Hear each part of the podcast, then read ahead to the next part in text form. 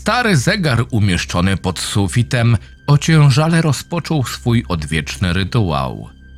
Uderzenia mechanizmu przebiły ciszę ciążącą w zatłoczonej izbie.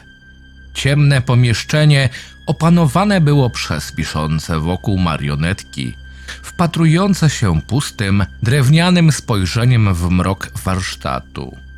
Setki wrytych w twardym materiale oczu od dawna nie miało okazji ożyć i rozbawić dzieci bądź dorosłych, śledzących obmyślone przez władającego kukiełką przygody.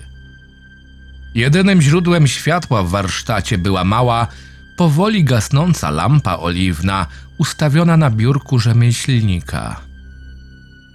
Blask coraz trudniej przedostawał się przez okopcone wnętrze, barwiąc drewno i blat ciepłym pomarańczem. Na biurku walały się, niegdyś z uporem szaleńca, równo układane narzędzia i wiórki nieomal tak lekkie, iż spokojny oddech lalkarza wznosił je w magiczny taniec. Wśród zapachu kleju, żywicy i dzieł skrupulatnej pracy znajdował się artysta drzemiący niespokojnie z głową opartą o przedramiona. Szpakowate kosmyki włosów wkradły się niesforne resztki jego najnowszej kreacji, a przykrzywione na nosie okulary odbijały słabo tańczące promyki z lampy.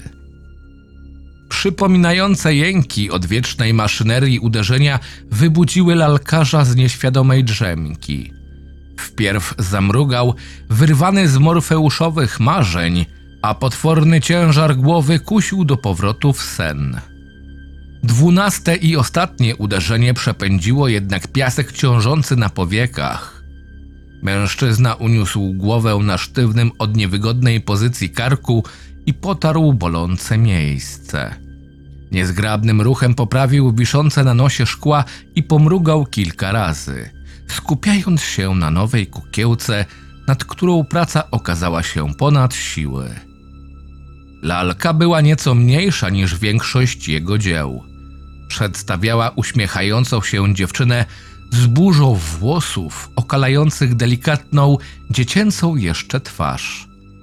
Mężczyzna ujął najdrobniejsze szczegóły, starannie wydłubując drobne pasma drewna, aby uzyskać ideał. Włosy i brwi wyglądały jak prawdziwe, a spojrzenie lalki, nawet niepomalowane, dogłębnie świdrowało wzrok obserwatora. Artur przeciągnął się, rozprostował za stałe stawy, które odpowiedziały bolesnym chrzęstem. Zganił się w duchu za nieplanowaną przerwę i rozejrzał wokół, szukając wzrokiem pozostałych części. Leżące obok biurka kończyny i tors już czekały na umocowanie. Mężczyzna zebrał wszystko razem i rozpoczął scalanie jednej z ostatnich prac jego życia. Artysta od zawsze tworzył. Z łzą w oku wspominał pierwsze występy teatru lalek. Z wypiekami na twarzy obserwował poczynania sztucznych aktorów, śmiał się do bólu brzucha i płakał w momentach dramatu. Po każdym występie nie dawał spokoju lalkarzom, męczył pytaniami i prosił o kolejny występ. Od początku ujmowała go zdolność do ożywienia pomalowanych kawałków drewna. Podczas występów niemalże widział prawdziwe życie wkradające się w ciała kukiełek. Marzenia artysty próbowali wybić z głowy rodzice. Artur pochodził z biednej rodziny, która podążała do miasta za chlebem. Rewolucja parowa umożliwiała zarobek rządzącemu twardą ręką ojcu szóstki dzieci. Urabiająca sobie ręce po łokcie matka starała się wychować potomstwo na dobrych i uczciwych ludzi. Do końca życia Artur potrafił przywoływać obrazy jej ciepłego uśmiechu i spracowanych dłoni, gdy ledwo stojąc na nogach układała wszystkich do snu w ciasnej izbie. Artysta był najstarszym z rodzeństwa i od kiedy mógł pracować przy maszynach, spędzał większość czasu w fabryce mebli wraz z ojcem. Prześlizgując się pomiędzy pracującymi maszyneriami, przy których łatwo było stracić dłonie, Artur podpatrywał proces obróbki drewna. Fascynowało go, jak plastycznym materiałem były martwe drzewa, pod opuszkami palców niemal wyczuwał płynące w nim życie. Oczyszczał żelazne mechanizmy z żywicy, zmiatał fruwające wokół trociny i w wyjątkowych chwilach, gdy fabryka zamierała, ostrzył zęby pił. Nawet utrata małego palca nie zabiła w nim miłości do drewna, gdy przez nieuwagę jednego z zarządzających ostrza ruszyły do pracy. Gdy Artur miał 13 lat, jego matka i piątka rodzeństwa zmarła. Choroba ospy przetoczyła się przez miasto, zabierając ze sobą starszych i schorowanych, a panujący głód dodatkowo zwiększył pomór. Na jego barkach spoczęło utrzymanie siebie i ojca, gdy ten po stracie załamał się. Mężczyzna zaczął pić, z żalu i bezsilności wyjąc wieczorami do lustra i zdjęcia swojej ukochanej. Zapomniał o istnieniu swojego pierworodnego. Artysta sięgnął do jednej z szuflad biurka, w której trzymał farby. Wyciągnął starą kasetkę na farby była poplamiona w wielu miejscach przypadkowymi kolorami, tworząc istną mozaikę barw. Na zamknięciu pudełka odlał kilka kropel czarnej farby i o połowę więcej brązowej, uzyskując przyszły kolor włosów swojego dzieła. Nałożył na mały pędzel odrobinę mieszanki i przystąpił do ożywiania lalki. Pierwsze ruchy rozprowadził po rzeźbionej główce, pociągając pędzlem wzdłuż wydłubanych pasm fryzury. Przy malowaniu kukiełek Artur odruchowo zagryzał język. Czasem zapomniał się tak mocno, że dopiero metaliczny smak przegryzionego narządu rozluźniał jego zgryz. Teraz oczy bardziej błękitne niż ocean. Pomyślał, sięgając do rozdrobnionego lapisu i białej farby. Jedynie dwie krople bieli na piętnaście lazurytu, aby uzyskać idealny kolor. Wkraczając w dorosłość, Artur występował na scenach podrzędnych teatrzyków, bawiąc biedotę przygodami własnoręcznie wykonanych lalek. Brak wprawy w rzeźbieniu nadrabiał humorem i zaangażowaniem w wywoływanie radości u widowni.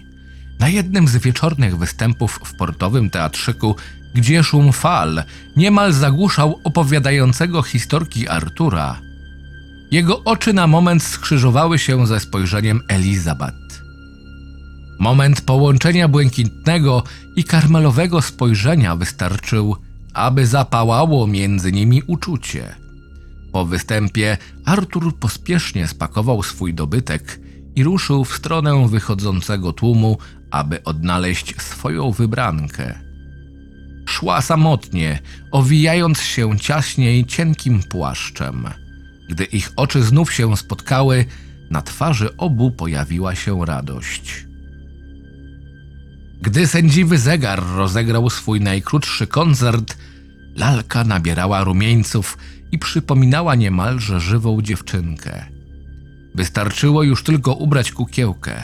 Do tego miał przygotowaną miniaturową, jasno-różową sukienkę z bufiastymi rękawami, zdobioną w kwiaty. Nałożył ubiór na korpus kukiełki, a na drewniane nogi naciągnął jasne rajstopy i czarne trzewiki. Do dłoni lalki przyszył małego, pluszowego misia z guzikami zamiast oczu. Wrócił wspomnieniami do chwili, gdy córka Elizabeth i Artura rozpromieniała każdy ich dzień. Świat odkrył utalentowanego artystę, który pracując w cieniu opanował do perfekcji sztukę tworzenia ożywających w dłoniach lalek. Kunszt jego dzieł prześcigał salonowych rzemieślników, co zapewniło trójce dobre życie pozbawione zbędnych trosk. Debora rosła jak na drożdżach. Była śliczną brunetką o długich włosach, rozczulającym uśmiechu i oczach o barwie intensywniejszej niż głębiny oceanu. Zwracała na siebie uwagę przechodniów, Wszyscy odpowiadali uśmiechem na jej zaczepki i ciekawość świata. Artur zatracał się w takich chwilach szczęścia, głaskał dłoń trzymającej go pod ramię uśmiechniętej żony i z czułością wołał imię Debory, gdy ta wybiegała za daleko. Pewnego dnia, podczas tradycyjnych spacerów po żywych uliczkach miasteczka, dziewczynka znów zniknęła im z oczu w tłumie ludzi. Gdy poszukiwania wzrokiem zaczynały trwać zbyt długo, nagle usłyszeli jej dziecięcy głosik dochodzący z ciemniejszej uliczki. Stała tam, plecami do tłumu, wpatrzona w wysoką postać. Rozmawiali o czymś spokojnie, jednak na widok nadchodzących rodziców podejrzana osoba wycofała się, znikając za zaułkiem. Poddenerwowana Elizabeth skarciła Deborę, po czym natychmiast przytuliła ze wszystkich sił. Gdy Artur spytał, o czym rozmawiała z nieznajomym, odpowiedziała tylko: O twoich zabawkach, tato. Artur ukończył lalkę. Wykonał ostatnie smagnięcia cieniutkim pędzlem po brwiach i zdmuchnął resztki drewna. Spojrzał w oczy kukiełki, próbując dostrzec w nich radość, jaką widział w spojrzeniu Debory. Westchnął ciężko, pogłaskał drewniany trzewik lalki i zdusił zbierające się w oczach łzy. Przełknął twardą gulę w gardle i nachylił się, aby zdmuchnąć drgający ledwie płomyk w lampie. Wziął kukiełkę na ręce, trzymając jak własne dziecko i ruszył w głąb mieszkania. Tajemniczy nieznajomy włamał się do domu Artura i Elizabeth jeszcze tej samej nocy, kiedy rozmawiał z Deborą w uliczce. Artysta tamtego wieczoru prowadził występ w teatrze, prezentując tłumnej publice swoje najnowsze kukiełki i ich przygody. W tym samym czasie, kiedy salwy śmiechu przetaczały się przez dorosłą widownię, a dzieci wiwatowały na widok zwycięstwa bohaterskiej kukiełki, z ciała Debory uchodziło życie. Kiedy dziewczynka kończyła swój kruchy żywot, oprawca podciął gardło przerażonej matce. Gdy tętnicza krew trysnęła na ściany, Artur kłaniał się przed oklaskującą go widownią. Lalkarz stanął przed zamkniętymi na klucz drzwiami sypialni, w której rozegrały się koszmarne sceny. Zmarłych pochowano w drewnie, tym fascynującym materiale, nierozerwalnie związany z życiem i śmiercią. Widok spuszczanych w trzewia ziemi trumien rozdrapał stare rany mężczyzny. Kolejny raz jego istnienie otoczył całun cienia, tłamsząc każdy oddech. Nie czuł poklepujących go pocieszająco rąk, nie słyszał kondolencji składanych mu przez przyjaciół. Widział jedynie sens swojego życia znikający pod kopcem ziemi. Gdy wrócił do warsztatu, wreszcie pękł. Po zamknięciu drzwi i dwóch krokach w głąb, padł na kolana, zanosząc się gorzkim płaczem, który po chwili przeobraził się w cierpiętniczy skowyt. W piersi czuł palącą pustkę. Spracowanymi od narzędzi dłońmi rozdrapywał własną skórę i rwał włosy z głowy. Wszystko na nic. Nic nie mogło przywrócić jego dwóch miłości do życia. Mężczyzna wyjął wolną ręką mały kluczyk z kieszeni i włożył w zamek. Przekręcił mechanizm, który z trzaskiem odblokował przejście. Drzwi uchyliły się na lekko skrzypiących zawiasach, wpuszczając świeże powietrze do wnętrza. Pomieszczenie prawie nie zmieniło się od tamtej pamiętnej nocy. Duża sypialnia stojącym pośrodku łożem małżeńskim, od dawna posłanym i złudnie czekającym na senną parę kochanków. Pod ścianą stałej biblioteczki z licznymi tomiszczami, które Elizabeth namiętnie wertowała podczas spokojnych wieczorów, czekając na przyjście Artura. Gustowna toaletka znajdowała się przy oknie, przez które włamał się morderca. Całe pomieszczenie znajdowało się w półmroku dzięki jasnym ścianom, rozpraszającym słabe promienie księżyca wpadające przez okna. Jedynie dwie rzeczy nie znajdowały się na swoich miejscach. Pośrodku pomieszczenia stało krzesło od toaletki przyśrubowane do podłogi, do którego przywiązano nieprzytomnego mężczyznę. Stare biurko Artura ustawiono natomiast metr przed uwięzionym, a znajdowała się na nim inna kukiełka, wyższa od podobizny Debory z błękitnymi oczami i kręconymi czarnymi włosami. Ubrana była w zmniejszoną replikę sukni, w której Elizabeth przyszła na pierwszy występ Artura. Artysta wkroczył do środka i ustawił podobiznę córki na biurku obok drugiej lalki. Wygładził sukienki obu, zawiesił wzrok na swoich dziełach i na twarz wypłynął mu nieznaczny uśmiech ulgi. Wiedział, że powoli nadchodzi koniec. Uspokajało to jego porwany przez chaos umysł. Obrócił się twarzą do związanego, zmrużył oczy i zamachnął się. Powietrze przeciął odgłos ostrego policzka, po którym dłoń Artura zaczęła piec. Głowa skrępowanego odskoczyła w bok, gdy wyrwano go z narkotycznego snu. Zamrugał kilka razy, po czym znów poczuł na sobie uderzenie, tym razem z drugiej strony. Wydał z siebie głuchy jęk, stłumiony przez wciśnięty w usta knebel. Artur prychnął i obszedł biurko. Oparł się dłońmi po prawej stronie, patrząc w twarz oprawcy swojej rodziny. Ścisnął blat tak mocno, że pobielały mu kłykcie, a paznokcie wbiły w drewno. Pamiętasz ten pokój? spytał Artur drżącym głosem. Wskazał na miejsca w podłodze, gdzie pomimo wielokrotnego szorowania już na zawsze odcisnęły się ślady ciał. To tutaj zniszczyłeś całe moje życie. W tym pokoju, gdzie spędziłem najszczęśliwsze chwile życia, gdzie wreszcie poczułem się tak, jak powinien się czuć każdy spełniony człowiek. Odebrałeś mi wszystko. Artur zwiesił głos, wpatrując się w powstające na czole kropki potu mordercy. Szukałem cię długo, dla niektórych wystarczająco długo, aby zapomnieć lub popełnić samobójstwo z rozpaczy. Wydałem dużo pieniędzy, natrafiałem na ślepe zaułki i kajałem się u stóp ludzi, którzy kryli twoje chore zbrodnie. Wiem, kim jesteś. W oczach miasta stoisz wysoko. Nawet pomimo ciężkiej pracy nie byłbym w stanie osiągnąć tego, co ty. W moich oczach widzę tylko potwora, który nie potrafi powstrzymać skrzywionej żądzy. Artysta wyprostował się i rozluźnił ramiona. Obiegł pokój spojrzeniem, uspokoił oddech i powrócił do szarych oczu włamywacza. Lekko uniósł kącik ust. Zabójstwa się nie zapomina, nie wybacza. Poczucie winy, że mogłem je przed tobą ochronić, trawi mnie od środka, uniemożliwia spokojny sen. Nie mogę spać. Jedyne, co trzymało mnie przy zdrowych zmysłach, to tworzenie. A przed tobą znajdują się dzieła mojego życia.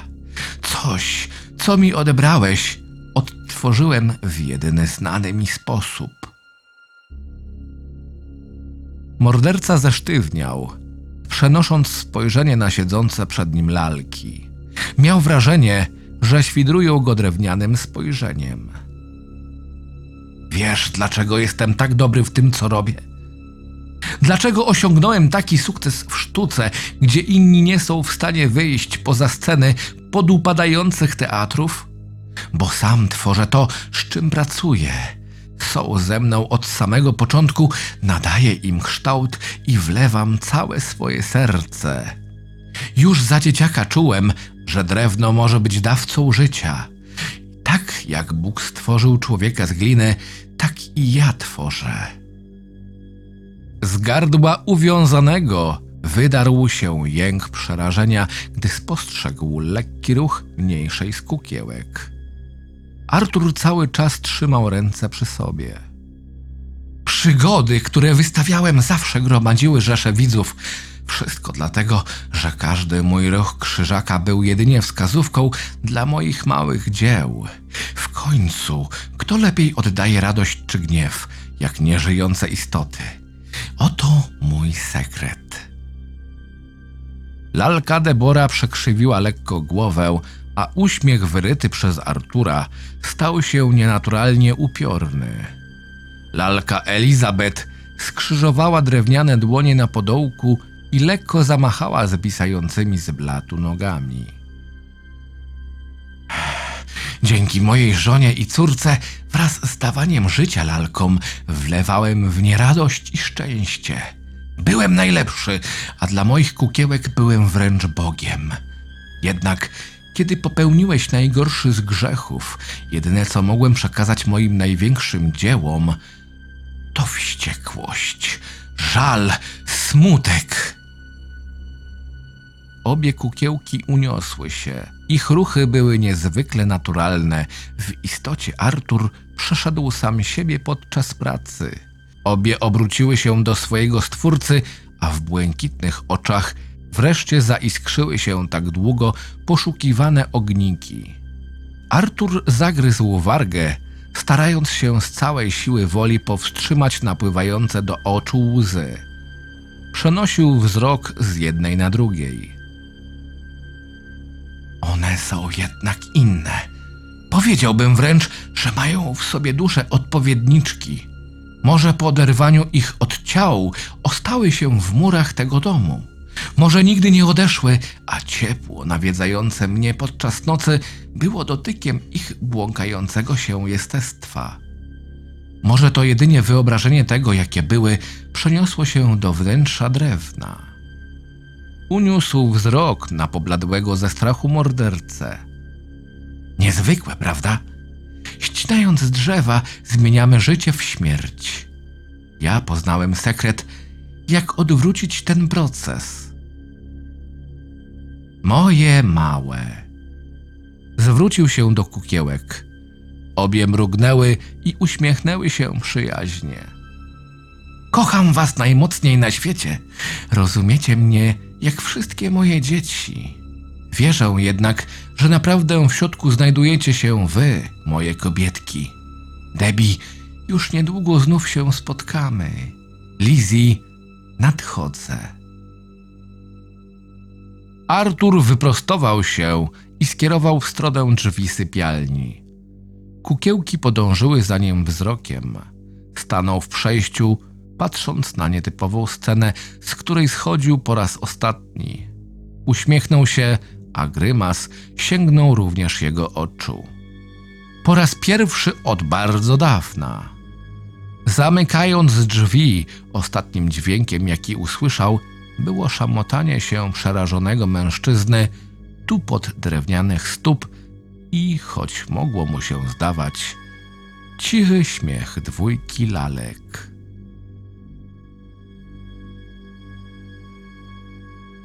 Scenariusz Kacper Mielcarek Czytał Krystian Kieś Zapraszam do subskrypcji mojego kanału.